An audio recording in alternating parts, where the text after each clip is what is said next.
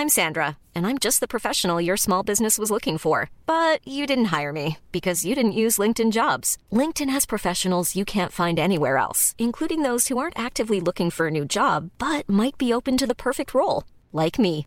In a given month, over 70% of LinkedIn users don't visit other leading job sites. So if you're not looking on LinkedIn, you'll miss out on great candidates like Sandra. Start hiring professionals like a professional. Post your free job on linkedin.com/people today. There's never been a faster or easier way to start your weight loss journey than with PlushCare. PlushCare accepts most insurance plans and gives you online access to board-certified physicians who can prescribe FDA-approved weight loss medications like Wigovi and Zepbound for those who qualify. Take charge of your health and speak with a board-certified physician about a weight loss plan that's right for you. Get started today at plushcare.com slash weight loss. That's plushcare.com slash weight loss. plushcare.com slash weight loss. Hej alla goa lyssnare och hjärtligt välkomna till ett helt nytt avsnitt av Mord eller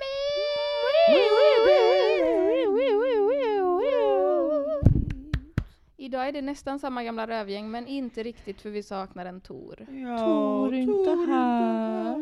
Nej. Tor sover. Tor ligger och sover. Mm. Så går det när man jobbar natt. Ja, det är inte lätt. Fem nätter på en vecka. Det är vansinne. Det är vansinne. Verkligen. När det är nio nätter på en hel månad. Va? Mm. På Torstjänst är det nio nätter Ja, jag i månaden. Jag bara- totalt. Jag bara, nej Linnea. Nu har Linnea fått psykos tänkte jag. Nej men och så lägger de fem av dem på samma vecka. Det tycker jag är en Det- väldigt konstig schemafördelning. Ja, det är inte Så schysst. det var två nätter förra veckan, fem denna, ingen natt nästa vecka och sen två nätter sista Men veckan i månaden. stackars Toris. Ja, det är Bengt. Ja, det är det faktiskt. Det är skevt. det är skevt. Ja, jag skulle vilja skicka ut ett litet tack till våra goa lyssnare som följer oss på Instagram och som hör av sig lite nu och då. För det gör mig fan så glad alltså. Tack hörni. Tusen Det är tack. kul. Det betyder verkligen så mycket för oss. Även om ni skriver att ni tycker vi är skittråkiga så blir vi glada för att ni, ni finns. Ja. Ni har i alla fall lyssnat på oss. Det är någon där ute som lyssnar. Hellre att någon säger något dåligt än att man inte hör någonting alls. Ja, precis. Det är också väldigt skönt att få den feedbacken. Att, för ibland kan ju folk höra av sig och bara så här. Det här lät jättekonstigt som ni pratade om i den här podden. Vad menar ni egentligen? Då vet man att man kanske har sagt något crazy. Ja. Och det har vi antagligen Det gör vi ju Vi gör Det gör vi från time to time. Jämt skulle Ja. jag säga. Jämt, ja. Ja.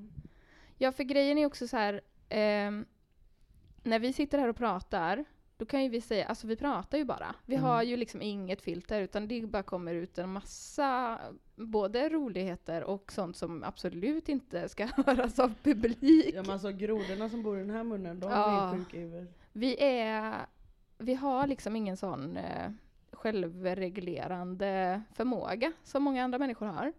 Och eh, Vissa kan tycka det är provocerande och vissa Ja. kan tycka det är befriande. Alltså det Precis. beror ju på hur man är som person. Liksom. exakt, och vi har ju liksom eh, accepterat att det är såna vi är. Ja. Så att Och vi vi... har ju typ bara sådana människor runt oss också. Exakt. Så vi tänker bara fortsätta med det. Men det, är, även om jag klipper poddarna så kan det ibland vara skönt om någon hör av sig och bara Det här var helt crazy som ni sa.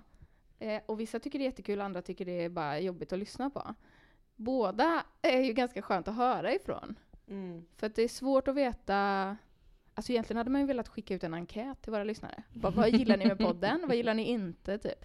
Ja. För man får ju inte så mycket feedback när man håller på med något sånt här. Jämfört med typ om man håller på med musik eller konst eller så här, då kan man ju få väldigt mycket feedback. Man får ju ganska mycket direkt feedback. Ja men I, precis. I alla fall om man typ har en utställning eller en konsert eller ja, någonting. i mötet med andra liksom. Ja. Vi möter ju ingen av våra lyssnare egentligen. Och också att man får direkt feedback i forumet som man lägger ut sin konst typ. Men om vi lägger ut en podd och någon lyssnar, då kanske det är liksom lite så här. man går ut ur Spotify eller podcaster Mm. och så går in på Instagram, skriver där. Alltså det kanske är en liten Ja men längre sträcka att ge respons. Det är verkligen ett extra steg. Mm. Så det, vi uppskattar det så jävla mycket alltså. Det är så himla trevligt. Min mamma skriver ju ett sms till mig varje söndag vad hon har tyckt om avsnittet. Nice. Det är också helt underbart. Tack för det Mammor. mamma. Ja, En största supporter i livet. verkligen. Jag, apropå eh, Instagram, så får jag ibland eh, meddelanden från en kvinna som jag en gång för flera år sedan hade kontakt med. För att jag hade väldigt mycket mat över från vårt bröllop. Mm. Eh, så då, och då skulle vi åka... Ja, Okej, hej på dig. Då skulle vi åka till Kiruna precis en vecka efter bröllopet. Så då var vi tvungna att liksom lämna bort maten. Så då la jag upp det i en sån Facebookgrupp. Så här, eh, hej hej, är det någon som vill ha det här? Typ. Och så hörde flera folk av sig och så lämnade jag bort den här pastasalladen eller vad det nu var som vi hade över. Eh, och då var det en av de här personerna som skrev till mig då. Som sen fortsätter att ha kontakt med mig och börjat följa mig på sociala medier. Och typ ibland skickar hon så här roliga memes. Men det är jätteobehagligt. jag tycker det är ändå ganska charmigt för att jag tror att hon är liksom i 50-60 års åldern och kanske inte så här superhigh på sociala medier. Men Ja, det- Gamla på sociala medier har vi pratat om innan. Ja. Det är ju ett fenomen. Ett fenomen ja. Det är ändå, jag vet inte om det är charmigt eller om det är obehagligt. Jag kan inte bestämma mig riktigt. Jag känner att det är obehagligt. Du känner det? Ja, ja. Mm. Men skriver hon till dig och hon vet om att det är du liksom? Det, det tror jag Att inte. du är matpersonen? Det tror jag inte. Nej, det tror jag absolut inte. Men vem tror du att hon tror att du är? Jag tror att hon bara, nej men jag tror att grejen är att hon eh, är inne och surfar runt på sina sociala medier och så hittar hon någonting roligt som hon ska skicka till någon och så kanske hon inte har kontakt med jättemånga där. Så då råkar hon ibland bara skicka saker till mig fast hon egentligen menar att skicka till någon annan. En annan dag här på jullovet så fick jag, fick jag ett sms av en kollega med en bild på eh, hennes kille. Bara så. Helt, helt ingen eh, en förklaring. kollega ingenting. alltså? Ja, en kollega som Bara en smsade bild, mig. ingen text? Nej. En bild på hennes kille bara i snö typ. Okej. Alltså någonstans. De var ute och reste antar jag. Jag svarar inte ens. Nej. Det är lite weird. Ja. På tal om bild, jag en gång, eh, jag tror jag satt och kollade på någon serie eller tv-spel, jag var i alla fall upptagen med någonting. Och så hör jag att det plingar till i min telefon. Och så går jag in på, då är det Messenger då. Då är det någon som har skickat en bild på mig när jag var liten. Alltså det där är så. Bara en bild, ingenting mer. Och jag vet, alltså jag vet inte fan vem den här personen var. Så läskigt. Jag börjar snoka och bara men gud, det, det är någon så här, ja men eh, övre medelålders kvinna typ som har skickat bilden. Mm. Men eh, efter ett tag snokande och jag hörde även av mig till mina föräldrar så visade det sig att det var typ min pappas kusin eller någonting. Mhm. Och så kom det, och det, det är ju det så här, gamla är ju ganska långsamma Oh ja. på att skriva, så hon skickade ju bilden och sen började hon författa ett meddelande och det Mm. tog ett tag. Så det var ju liksom ganska lång tid emellan att jag fick bilden till att jag fick Hej Moa, jag hittade den här bilden på dig. Hoppas allt är bra, något sånt liksom. Så jag fick, jag fick ju panik i början alltså. Och bara vem fan är psykot som Det skickar är bilder så till mig? Och- Ah, läskigt. gud. Jag det. jätterädd. Ja, jag blev fan det. Ja det förstår jag. Uff, ja. Svarade du någonting då? Jag, mm, jag minns inte. Du skriker Åke. Nu när jag var ute och tog en cigarett så kom det ett litet barn med sin pappa gåendes förbi. Mm. Och utanför oss finns det ju en lekplats med typ ett skepp, så en klätterställning som ser ut som en båt liksom. Mm. Och så vänder sig barnet till pappan och bara Där är pilatbåten, pilatbåten! Och pappan bara ja vi hittar den, yay! Och barnet bara yay pilatbåten, pilat, yay! Det var så gulligt att han sa pilatbåten också. Åh, vad charmigt. Åh, det var jättegulligt. En gång när jag var på Liseberg så eh, var vi typ och, alltså vi bara gick runt liksom. Så var det en eh, polishelikopter som åkte över så, här, som det, så som det är i Göteborg, lite nu och då. Och då var det ett litet barn som bara ”Pappa! Kolla polishelikoptern!” Och vi stod precis bredvid och alla började liksom gapskratta gänget med det är ju taskigt. Det var jätteelakt. Så får man inte göra. Nej det får man Jag faktiskt skrattar inte. bara inombords åt den här lille. Ja. Alltså den var så liten, alltså sm- sådana små barn i overaller är ju... Så gulligt. Ja. Det är Åkes största skräck. Åkes största Ja. skräcken. De ser ut som Men han sjöstjärnor. liksom så här stapplar fram och bara pilatbåt! Gulligt! Ja. Ja nu ser jag honom från fönstret här. Han är Ja, och leker där i pilatbåten. Det är Ja. jättekul. Har jag berättat om när det var en eh, sån liten sjöstjärna i overall som gick förbi mig och min hund och hade med sig en massa pinnar.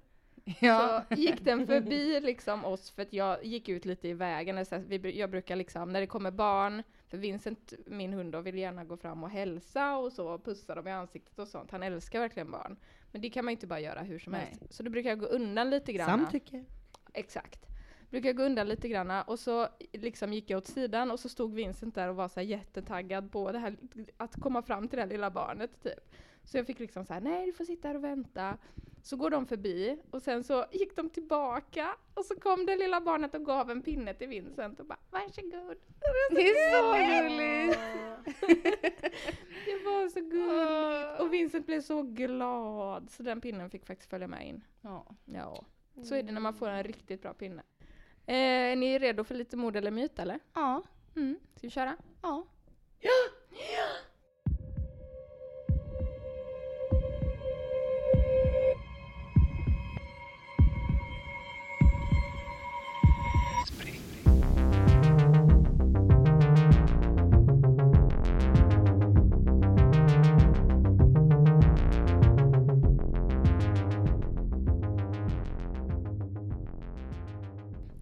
Året är 1869 och vi befinner oss i Pokrovskoje i Sibirien.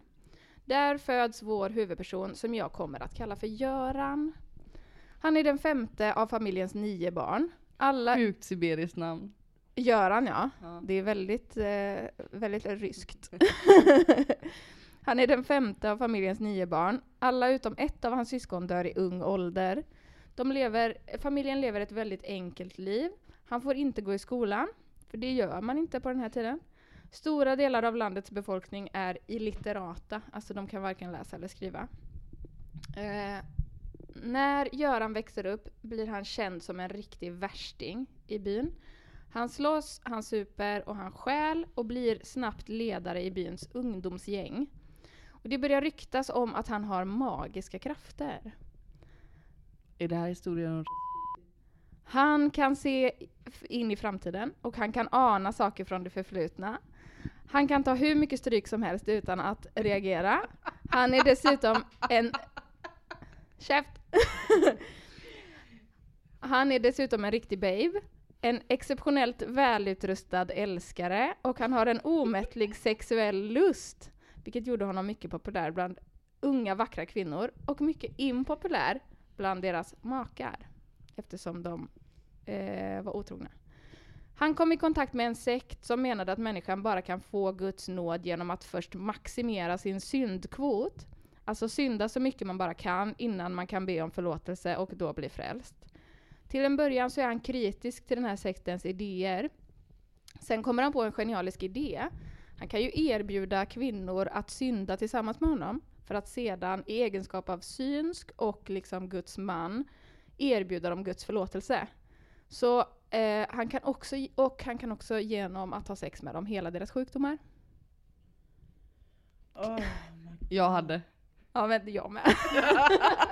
Killar va? På 1800-talet. Eh, efter ett antal år av horeri gifte sig Göran med en kvinna från trakten och bildar familj. De bosätter sig på en gård där han ämnar följa i sin fars fotspår och bli bonde. Han blir snabbt uttråkad och lämnar snart familjen för att ge sig ut på pilgrimsresor, vilket egentligen bara innebar att han drev runt både i Ryssland och i andra länder och Han letar mussla på annat sätt helt enkelt. Precis, knulla runt. Eh, I början av 1900-talet gifte sig tsaren och tsaritsan i Sankt Petersburg.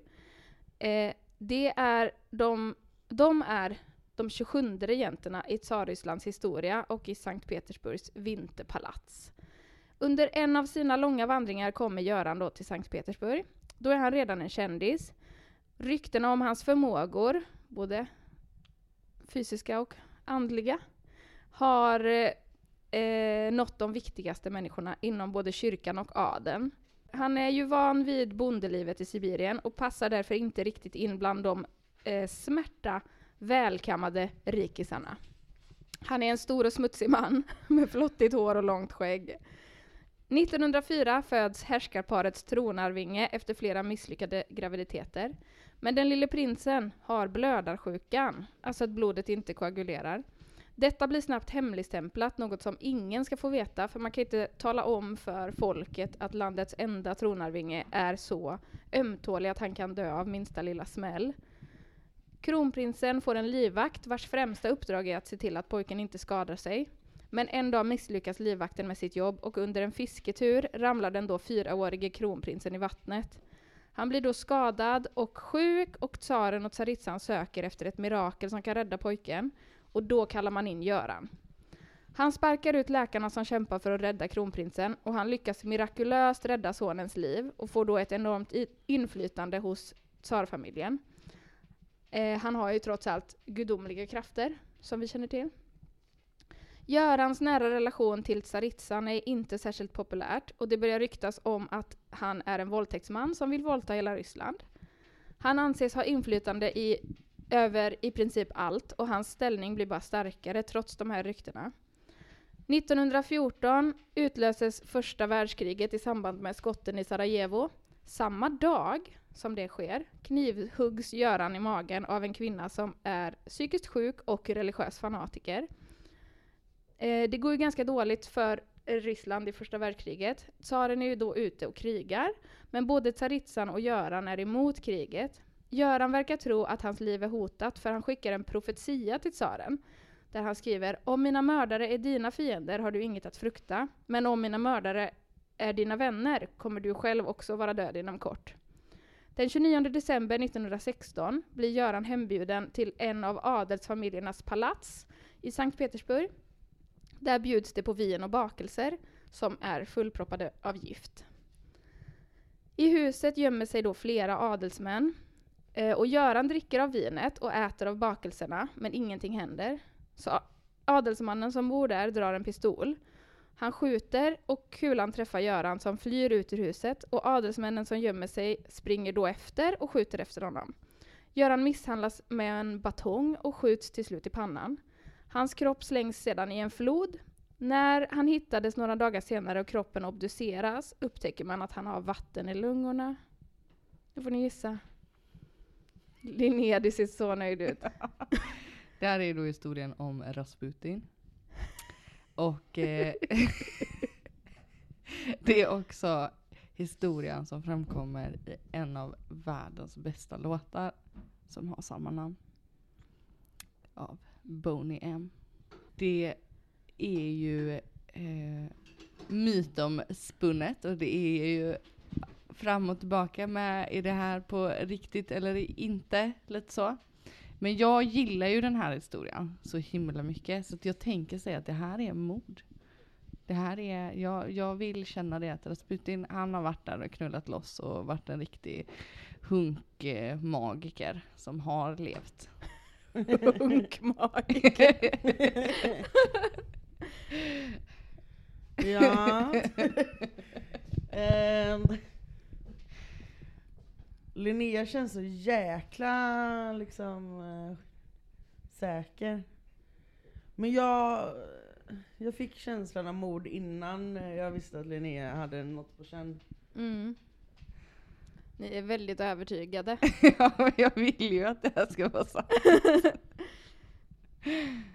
Jag säger att det är ett mord.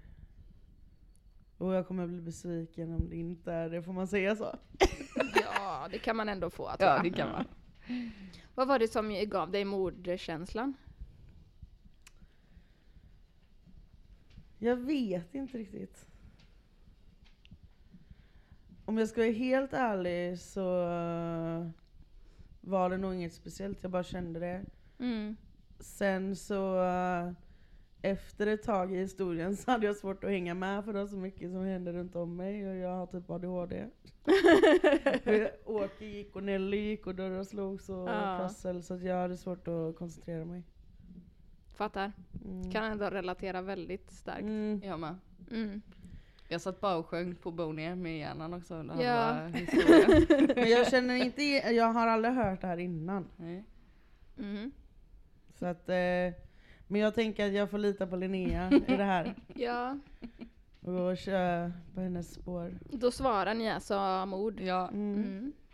Linnea har ju helt rätt i detta. Göran är ingen mindre än Grigori Rasputin. Russia's greatest love machine. Jajamän! Världens bästa låt är det ju. Det är det. Den är ju svinbra. Om det Eh, är en låt som får mig att gå igång så är det den. Ja. Den är Alltid. grym. Jag lyssnade på den igår tre gånger tror jag. Du visste så här undermedvetet att det var det jag skulle prata om idag. Ja. Så du hypade upp Nej dig. men jag lyssnar ju på den nästan varje dag. Okej. Jag ska- Trodde du att, vi skulle, att Linnea, alltså att någon av oss skulle... Nej, jag trodde faktiskt inte det. Jag Nej. hade satsat mina pengar på Tor, inte Linnea faktiskt. Nej, Nej. jag förstår det. Plötsligt Mm. händer det. Eh, jag ska berätta lite mer för er här tänker jag. Det finns ju en hel del eh, omtvistade saker i den här berättelsen. Mycket som vi inte säkert vet såklart eftersom det är svinlänge sedan. Eh, men jag ska försöka förklara några saker. Först och främst, när den här lille kronprinsen som är blödarsjuk eh, ligger inför döden efter att han har ramlat från båten så är det inte särskilt troligt att Rasputin faktiskt gjorde någonting aktivt för att rädda pojken eh, med sina magiska förmågor. Nej men det jag har hört är att han gjorde någon form av behandling, kommer inte ihåg vad det var med, men att den behandlingen man gav för blödarsjuka på den tiden hade snarare motsatt effekt. Och när han stoppade de behandlingarna Exakt. så blev det ju bättre. Fan vad du kan alltså! Du, jag har fan suttit och läst hela Wikipedia-sidan tre gånger. Akademikern Linnea, wow! Ja, det...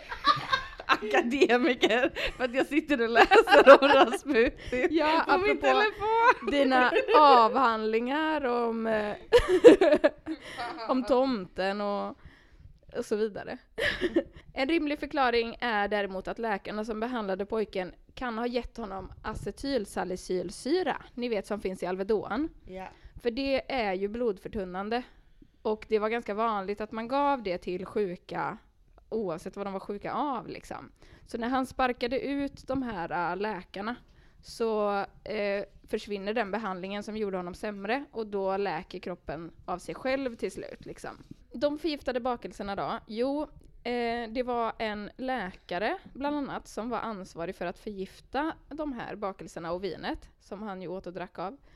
Men att han inte gjorde det.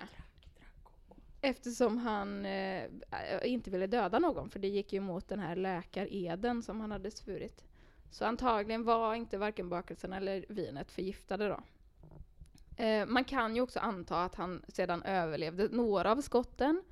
För det kan man ju göra. Mm. Ända tills han då till slut blev skjuten i pannan. Och sannolikt hade han inte vatten i lungorna, utan det är nog bara en sägen. Man kan ju faktiskt överleva ett skott i huvudet också. Ja, det Så kan man. han kan ju ha levt men drunknat. Ja, precis. Eh, så det är liksom inte så... Det vill jag tro. Ja, det är inte Goa så Rasputin alltså. orimligt som... Men också att han var typ en ganska stor och stark person. Jag menar, Mm. stora starka människor överlever ju saker i större Mm. utsträckning än små och skruppliga. Jag tycker det är väldigt roligt hur han porträtteras. Alltså just med gällande hans död. Det är ju den delen som har eh, snappats upp när han är med Anastasia. Ja, precis. Att han kan ta av sina kroppsdelar Mm. typ och... Mm. Mm. Ja, för han, han skickar ju den här profetian då till tsaren. Eh, att om eh, det är tsarens vänner som mördar honom så kommer han själv att dö. Eh, så ja, det stämde ju eftersom två månader efter Rasputins död startade den ryska revolutionen och tsarfamiljen, alltså familjen Romanov, avrättas ju i sitt hem. Så kanske hade han förmåga att se in i framtiden, eller så var han bra på att gissa. Ja, och få sin vilja igenom Ja. antagligen. Eh, sen det här med hans heliga penis har man kanske hört talas om. För den sägs finnas i en burk med formaldehyd på ett erotiskt museum i Sankt Petersburg. Jag måste bara säga lite mer om det här med den bevarade penisen. Eh, det finns nämligen flera, flera stycken bevarade penisar som sägs ha tillhört Rasputin. Fyra stycken tror jag Mm. i världen.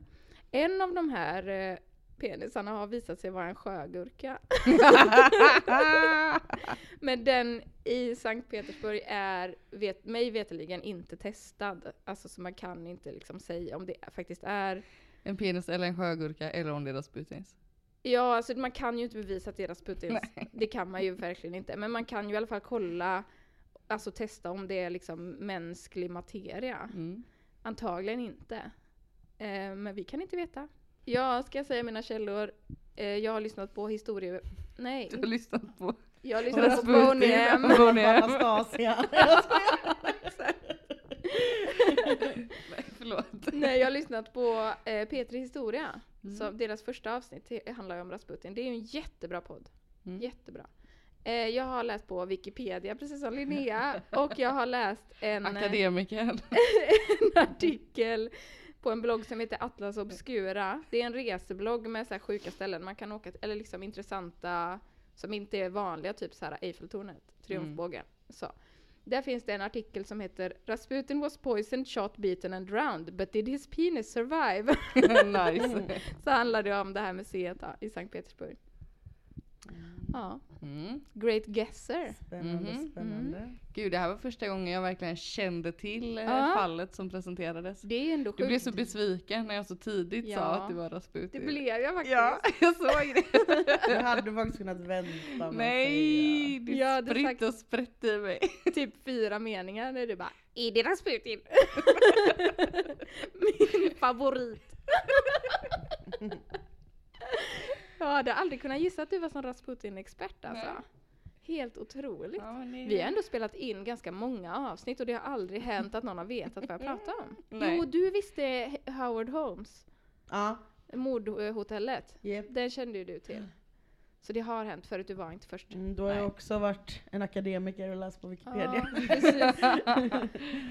Men alltså, eh, apropå att Anastasia är en otroligt bra film. ehm, det här, jag har läst, eller ni vet att jag har så här fall eller typ händelser som jag inte kan släppa, som jag blir besatt av. Eh, som jag har pratat om innan. Och det här med hur familjen Romanov dog är ett sånt fall som jag har, där jag har liksom läst allt, hört allt, sett allt. Varför får du inklusive släppa det eller va? Jag hänger inte med. Nej men jag kan inte, alltså jag blir, jag blir liksom, eh, Hon blir besatt. jag blir besatt Aha. av att ta reda på mer. Hon Typ. blir Ah, aspig. okej, Jag blir ja. aspig, superaspig. Mm. Och så blir jag så här, äh, jag menar att jag läser alla teorier och hur, vad Mm. kan ha hänt och så. Och jag tror att det handlar om att det bara är så, alltså de dör på ett så fruktansvärt sätt. Det är Mm. verkligen så här, de visste ju att de ö, var hotade då. De Ja. hade ju en känsla för att snart kommer det att ske något hemskt. Och de hade ju typ så här sytt in sina ädelstenar och juveler och grejer i sina kläder för att om de skulle bli tvungna att fly så skulle de kunna liksom få med sig så mycket som möjligt för Mm. att kunna överleva någon annanstans. Och de blir verkligen mördade på ett så jävla brutalt sätt. Alltså helt sjukt. Tips till er som älskar sjuka, vidriga mord. kan ni läsa mer om hur familjen Romanov dog. Jag vill säga en, en till sak om Anastasia-filmen. Ja. Att det är den första tecknade karaktären som jag blev kär i. Åh! Hon Anastasia så. Hon är väldigt... Det är ditt eh, lesbiska awakening. Ja, Ja, typ väldigt alltså. mycket tomboy där i Men början. ju. även, eh, eh, vad heter han nu då? Vad heter, Rasputin. nej, Han fladdermusen. Nej, Bartok. nej, vad heter han? Eh, eh, Dimitri. Ja, ja, ja. Mm. Han är också snygg. Också en riktig babe. Så det var ditt bisexuella awakening när du såg filmen? Ja. Ja, det var min första lust att eh, köra lite trekant. Nej, Nej, jag vet inte. Men eh, båda de är nice. Jag kände mer för Bartok faktiskt. Jag säger det ändå.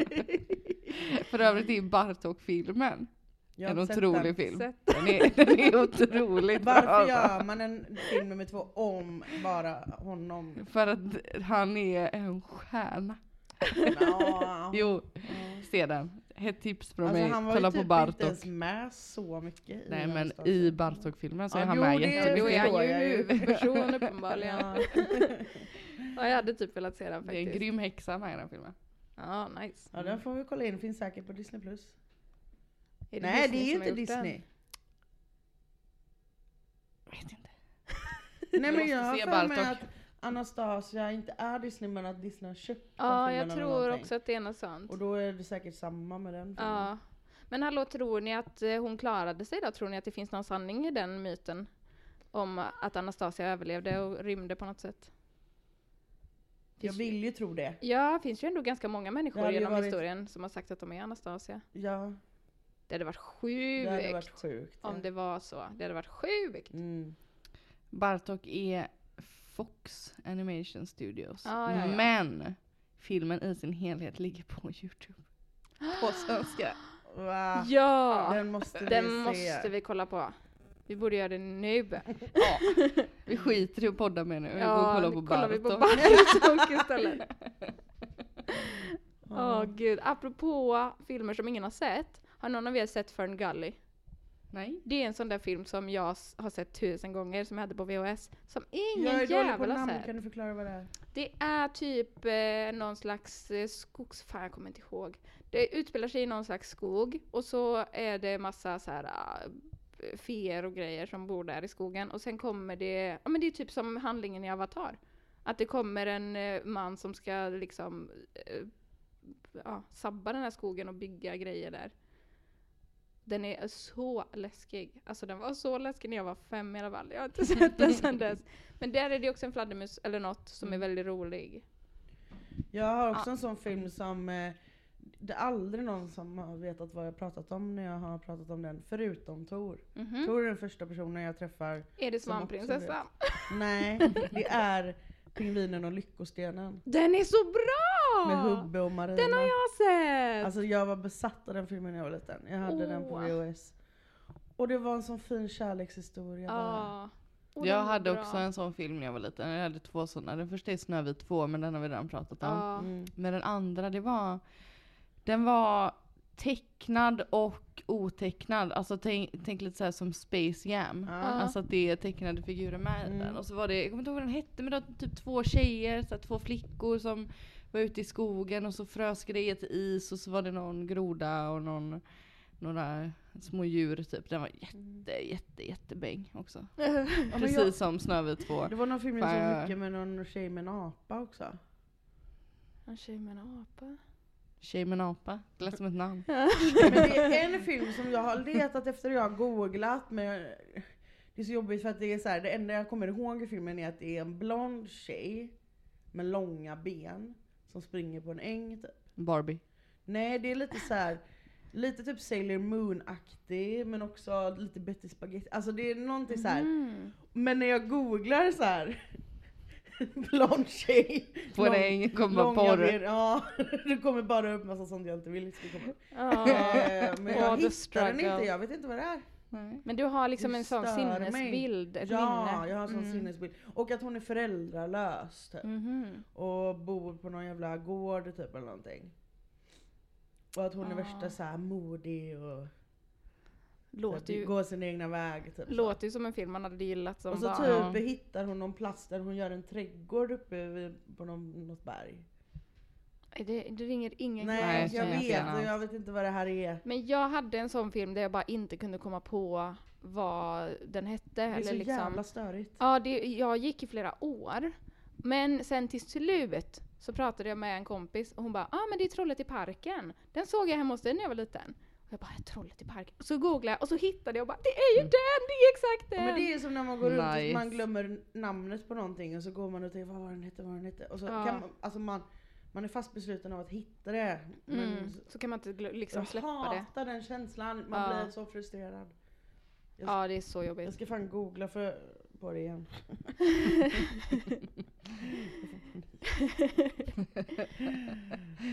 Ja, Ja, ska vi avsluta med och en liten uppföljning? Mm, kan vi göra.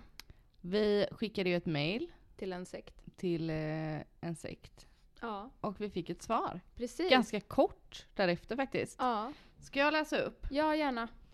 Eh, tycker fortfarande det är lite obehagligt att det var jag som mejlade på något sätt, men det är nog lugnt. Ja det tror jag. Eh, ska vi se här då. Sitter en eh, liten ensam hacker någonstans i världen som svarar dig. Eh, ska vi ta alla frågorna först? Eller sa vi vad vi skrev? Vi kan ju bara, ja vi sa vad vi skrev, men, Men jag kan sammanfatta bara, lite då. ja men vi kan friska upp lyssnarnas minne Kan vi lite inte först. ta en fråga och sen svaret på den? Ja. Och sen Jo. tar vi en Vi pratade ju nämligen om Heaven's Gate förra avsnittet och då mejlade vi dem för att eh, jag hade hört av Claes Svan, min idol, att eh, man får svar, alltså att det finns någon som har hand om den här hemsidan. Och jag tänkte typ inte att vi skulle få något svar, men det gick ju typ en timme Mm. innan vi fick det. Det gjorde du. Jätteobehagligt. Ja, kör. Eh, ja, vi skrev ju då att vi var en podcast i Mm. Sverige som eh, ville lyfta dem i våran podd. Så slickade lite stjärt och var lite trevliga i vår formulering. Men vi hade då fem frågor. Och den första var How do you organize your gatherings during this time? We have covid restrictions in mind. Och då fick vi svaret. För vi fick nämligen, svaret bestod bara av 1 till 5 uppunktat med Mm. svar på våra frågor. Det var inte någon hälsning eller något avsked. Men vi fick svaret då. 1. The group came to an end in 1997. There is nothing to join and there are no members. The- There, there have been no meetings since 1994. Fråga 2. How many active members do you have? Svar. None. Och nu är det då det blir lite obehagligt. Ja, för då var vår tredje fråga. When will the next rise occur? Och med tanke på att de inte är aktiva och inte har några medlemmar så får vi ändå svaret. The next return of the next level will be in about a thousand years. Det är läskigt. Fråga 4. What would we need to do to be a part of the next rise? Svar. Study the information. Here are all 16 official online videotapes. Följt av en länk. Jag har inte gått in på länken. Jag har inte heller gått in på länken för jag är livrädd. Ja. Och fråga nummer fem. Is it possible to be a member if you live outside the US? Svar. Yes, from anywhere in the world in future times. Mm. Så läskigt! Ja. Så mysko-svar Ja, alltså. verkligen. Vi kommer att lägga upp en skärmdump på det här på våran Instagram. Mm. Eller den, nej, den ligger redan uppe när man lyssnar på det här. Mm. Eh, på, om man tittar på förra avsnittets spoilervarning. Så ligger den där. Mm. Men det här känns ju eh, väldigt skrämmande. Jag Mm. måste gå in på länken, men jag måste också samla lite kraft, Mm. känner jag. Nej, jag gör måste det, göra gör det det från någon annans dator. Jag måste göra det nu. Så inte får virus. Eh, jag hittade filmen nu. Nej. Va? Ja, jag är helt till mig. Skojar du? Nej. Vad hette den? Hittade du den här filmen jag med hitt- spagettibenen? Jag hittade den. Åke blev jätteexalterad. Det Vad är, det? det är en eh, Okej. japansk film Mm. som heter Hello Sandy Bell. Oj, får jag se? Oj. Jag såg den jättemycket när jag var liten Men vad hos en sjukt kompis. att du hittade den. Ja, bara för att jag la till trädgård. Jaha. Trädgård. Trädgård. Trädgård. Trädgård. Men alltså jag är helt, jag måste kolla på klipp på det här sen. Kolla, här sitter hon i sin trädgård. Jag visar en bild nu på henne när hon sitter bland blommorna. Kul. Alltså jag får panik att jag har letat, alltså jag det ser letat, typ ut som en Miyazaki-film. ja, men jag, jag har letat i flera år alltså. Ehm, det här är otroligt läskigt. Nu har jag gått in på den här länken. Ja. Och det är alltså Heaven's Gate officiella eh, Vimeo-sida. Där alla deras då sessions, alltså lektioner, ligger uppe. Oh och här, God. här är de här stackars människorna och berättar om sina upplevelser Oh och vad de har lärt sig. Vi måste kolla på ett klipp. Ja, alltså... Eh, om jag trycker bara på första, de är ganska långa, de är typ en timme långa. Jag vill bara få en liten... Här är ju Marshall Applewhite. Alltså han som jag kallade för Martin i avsnittet. Höj.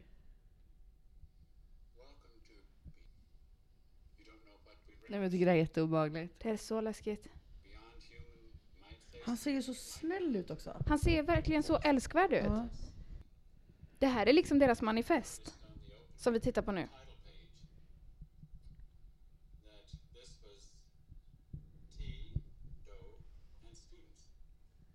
Alltså okej, om jag spolar fram lite, så nu pratar han jättelänge här. Jag vill se en av de, de som är med. Ja.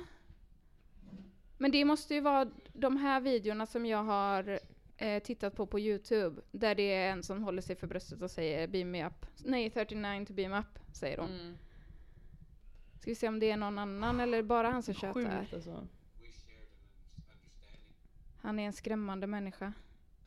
Han har så läskig blick verkligen. Vi borde lägga upp en print på hur han ser ut också. Ja, det tänk- har jag redan gjort på Ja, Instagram vad tror jag. Alltså han spärrar upp sina ögon som att han inte har ögonlock. Ja. Okej, jag orkar inte leta mer. Sjukt i alla fall. Obehagligt som fan. Usch, stäng ner den där fliten. Ja, bort med alltihopa. Uh, jag behöver nog bara så här ta en kopp kaffe nu och Ja. meditera. Ja men typ. Jag hade egentligen velat titta igenom alla de här videorna. Eh, för jag tycker det är så intressant. Men jag kommer inte orka det. Nej. Eh, men nej, gå inte med i en sekt hörni. Nej, gör inte det Please snälla. don't. Snälla. Bara låt eh, gärna bli. Mm. Eh, Är det någon mer sekt ni vill att vi ska kontakta? Ja, fan det hade varit... Eh, Kan ni inte skriva vilken i så fall? ja, precis. Vi vill jättegärna kontakta fler sekter för det är väldigt spännande. Jag bara ser hur de resonerar och Ja. liksom... Ja. Ja, tipsa oss gärna. Man kan ju mejla mordellermyt.gmail.com. Man kan skriva på Facebook, där har vi en sida som heter Mord eller myt. Eh, eller så kan man ju skicka DM på Instagram, Ja. Där vi också heter Mord eller myt. Följ oss gärna där, för vi lägger upp eh, eh, lite bakgrundsinfo, alltså lite så bilder som relaterar till avsnittet. Eh, men gå inte in och kolla på de bilderna förrän ni har lyssnat klart, för annars blir det en grov spoiler. ja, verkligen. Och hör gärna av er som sagt, kontakta oss, skriv kommentarer, säg vad ni gillar och inte med podden. Vi uppskattar det så mycket alltså. Mm. Ja. Puss och kram alla goa vi nästa lyssnare. vecka. Gör vi. We Puss, love you. puss. Hej då.